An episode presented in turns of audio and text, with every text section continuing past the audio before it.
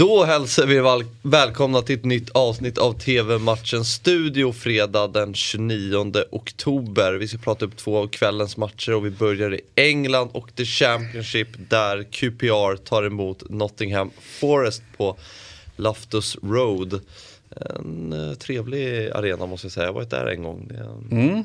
Och det rekommenderar du eh, folk att åka dit helt enkelt? Mm. Ja men den, mm. jag gillar den. Den är mm. klassiskt engelsk eh, mm. fotbollsarena. Jag var där och såg QPR Fulham för mm. sju år sedan. Men nu, nu, ska vi inte prata om den matchen utan vi ska prata om eh, QPR Nottingham. Eh, det är ett Nottingham, en klassisk klubb som eh, känns som att de har varit i Championship nu i hundra år nästan. Ja, alltså en gång i tiden eh, bäst i Europa. Mm. Men det återigen börjar bli väldigt länge sedan. Eh, och dit kommer de väl inte komma igen då. Det är väl ingen som tror. Va? Men att de ska kunna bättre än så här och ta sig upp i, i, i, i högsta serien. Liksom. Det är klart att målsättningen är det. Mm. Ja, Nottingham som förlorade sist mot Fulham 4-0. Eh, QPR ligger för närvarande på en sjunde plats tabellen med 21 inspelade poäng. Fyra poäng bättre än Nottingham Forest. Så mm. ganska tight här i tabellen. Mm. Ja, eh, och eh, vi får se om det blir en tight eh, match av det där då. Men, men jag känner väl här hemma för del och ändå att man är liksom snäppet. Även om det inte är jättemycket så snäppet bättre så, så, så, så tror vi på en hemmaseger här. Mm. 20.45 startar matchen och ni ser den på Viasat Extra. Nu till eh, Ligue Ö och eh, mötet mellan Paris Saint-Germain och Lille. Det är eh, den regerande mästaren som eh, gästar tabellettan och det här är ju en eh, högintressant drabbning. Mm, superspännande. Jag har ju följt Lille-projektet här några säsonger nu och eh, väldigt, väldigt eh, häftigt. Eh, lyckades ju ta eh, fjolårstiteln då så att säga på, på, ett imponerande sätt och framförallt då som man hade lite turbulens, eller ganska mycket turbulens får jag väl ändå säga eh, under säsongen. Du hade alltså eh, ett ägarbyte.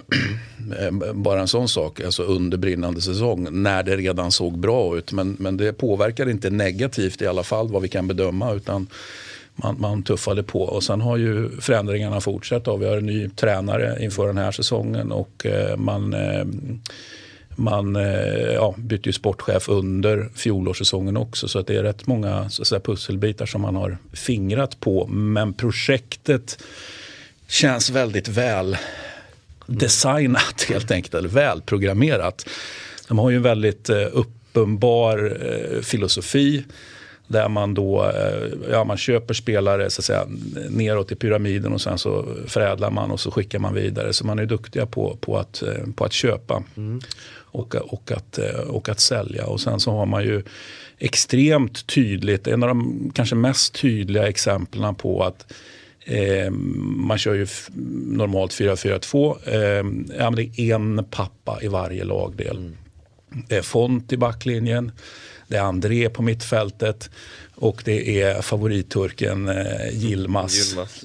längst fram. Va? Och sen så är det, så är det ungtuppar i princip mm. resten. Så att det, jag, jag, tycker att det är häftigt att titta på. Det låter ju när du berättar så här att vår svensk Gabriel Gudmundsson har hamnat i rätt miljö för att ta nästa steg i sin utveckling.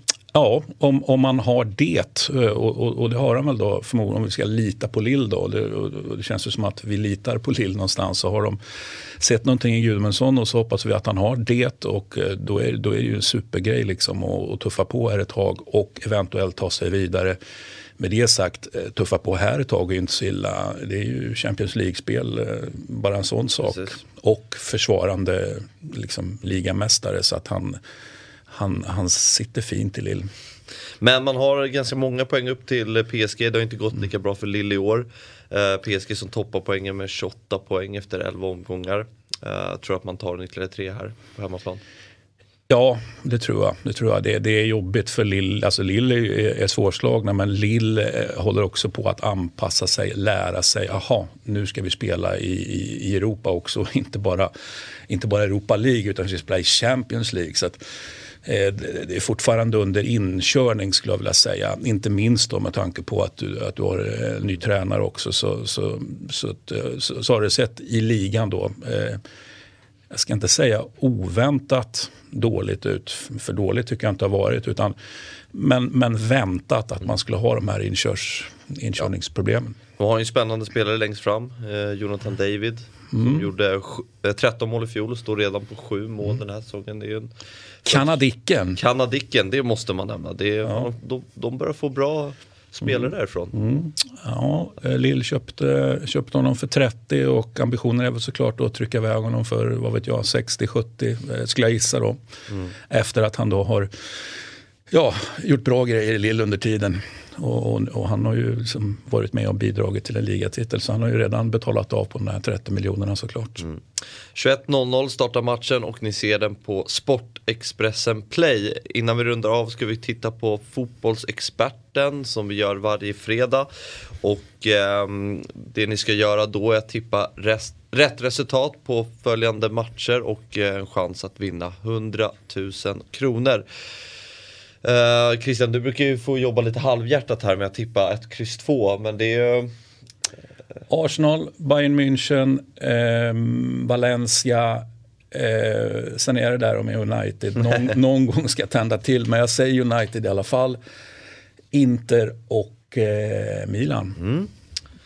Det är vad du får av mig. Ja, du får precis. tecken av mig. Mm. Och eh, häng med imorgon när vi kommer eh, prata upp vissa av de här matcherna och även under söndagen får vi höra lite mer av Christians analyser kring matcherna. Det var allt eh, för idag. TV-matchens studio är tillbaka imorgon igen. Vi ses då. Hej!